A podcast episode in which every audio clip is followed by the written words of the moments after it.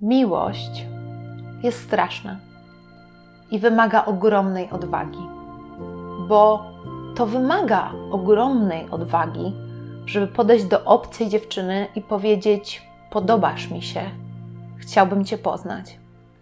I to wymaga ogromnej odwagi, żeby pójść na pierwszą randkę, bo może okazać się, że drugiej randki nie będzie. To wymaga ogromnej odwagi, żeby pokazać drugiej osobie, kim jesteśmy, bo doskonale wiemy, że nie jesteśmy doskonali. Wymaga odwagi budowanie relacji, bo zawsze mamy świadomość, że przecież ta osoba może nas opuścić, że przecież może nie wyjść. To wymaga również ogromnej odwagi być samemu. I nawet później, jak już się odbudowaliśmy, to zdecydować się spróbować jeszcze raz, bo co jeśli znowu nie wyjdzie? Więc miłość tak, jest dla odważnych. Ale prawda jest taka, że boimy się tylko i wyłącznie wtedy, kiedy nam na czymś naprawdę zależy, kiedy czegoś naprawdę pragniemy. Bo jeżeli na czymś nam nie zależy, nie przywiązujemy takiej dużej wagi do rezultatu.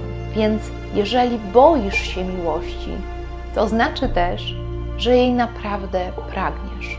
Jeżeli jesteście jedną właśnie z tych osób, które tej miłości się boją, to chcę Wam powiedzieć, że nie ma odwagi bez strachu. Jeżeli ktoś się nie boi czegoś, to to już nie jest odwaga. W życiu możemy kierować się albo tchórzostwem, albo odwagą. Odwadze zawsze towarzyszy strach. Tchórzostwu również. Więc jeżeli się boicie, to nie znaczy, że wy nie możecie być odważni. To znaczy, że macie szansę wybrać postawę, że i tak decydujecie się próbować. Co dla Ciebie tak naprawdę znaczy, że zrezygnowałeś z miłości, że zamkniesz się w domu na cztery spusty i już w ogóle do nikogo nie będziesz wychodził, że przestaniesz odzywać się do ludzi, znajomych, do przyjaciół, że jak będziesz na spacerze z psem i spotkasz przystojnego chłopaka z psem albo jakąś miłą, sympatyczną kobietę z psem, i psy zaczną się ze sobą ganiać, i ta kobieta, mężczyzna będzie chciał do ciebie zagadać, to zdecydujesz się, że nie odezwiesz się słowem? Czy oznacza to, że jak znajomi cię zaproszą na imprezę urodzinową, to nie pójdziesz? Czy znaczy to, że wypiszesz się ze swojej siłowni, przestaniesz biegać, już nigdy nie będziesz wyjeżdżać na wakacje, na weekendy w góry? Co tak naprawdę to dla ciebie znaczy, że rezygnujesz z miłości? Prawda jest taka, że jeżeli masz wizję, że masz być w życiu sam, to wszystkie te rzeczy, o których przed chwilką mówiłam, tak naprawdę powinny być tymi rzeczami, które i tak będziesz robił. Bo przecież skoro masz być sam, no to coś musisz robić. I, tak musisz o siebie dbać. I tak potrzebujesz ludzi. Tego, żeby mieć z nimi kontakt, tego, żeby budować z nimi więź, tego, żeby czuć się potrzebnym i tego, żeby z siebie dawać. Te wszystkie rzeczy z których nie powinieneś przecież rezygnować, jeżeli masz być sam, są dokładnie tymi samymi rzeczami, które oznaczają, że ty na miłość otwarty jesteś. Mylimy otwartość na miłość z szukaniem miłości.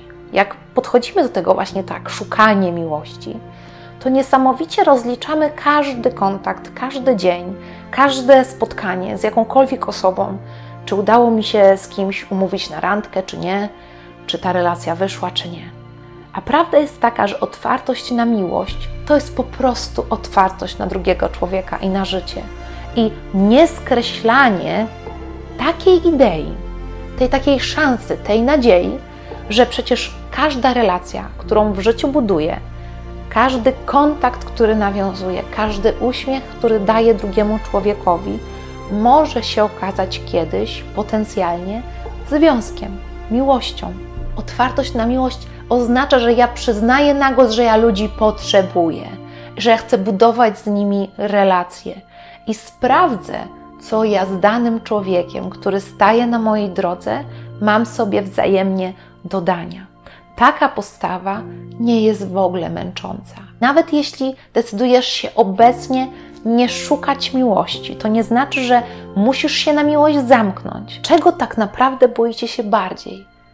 tego, że będziecie iść przez życie z wiarą, z nadzieją, że może i Wam uda się kiedyś zbudować udaną relację i osiągnąć to, czego tak naprawdę pragniecie. I może jeszcze nie teraz, może jeszcze przed Wami kilka lat bycia samemu, kilka nieudanych prób, kilkanaście, kilkadziesiąt nieudanych randek, ale cały czas przez te wszystkie lata będziecie mieć w sobie takie głębokie przekonanie, że póki Wy sami nie odbierzecie sobie szansy na miłość, czy nie zrezygnujecie z wiary w miłość, i z nadziei na to, że i Was ona spotka, to cały czas na tę miłość macie szansę? Czy nie boicie się bardziej iść przez życie z takim przekonaniem, że ta miłość to Was na 100% nie spotka? Czy nie boicie się tego, że kiedyś zadacie sobie pytanie, a co by było, gdybym nie zrezygnował, gdybym nie zwątpił, gdybym nie przestał próbować? Jak idę przez życie z takim przekonaniem, że zawsze będę nieszczęśliwy, ograbiony z prawa do tego, na czym mi tak zależało, to staję się zgorzkniały, i zazdroszczę innym ludziom i w jakiś sposób nie potrafię się cieszyć z ich szczęścia, to ta wiara i nadzieja sprawiają, że nawet kiedy jest ciężko, kiedy jest smutno, to staram się jakoś o siebie samego zawalczyć. To ta wiara i nadzieja również sprawia, że jestem taką osobą, która jest ciepła i życzliwa dla innych.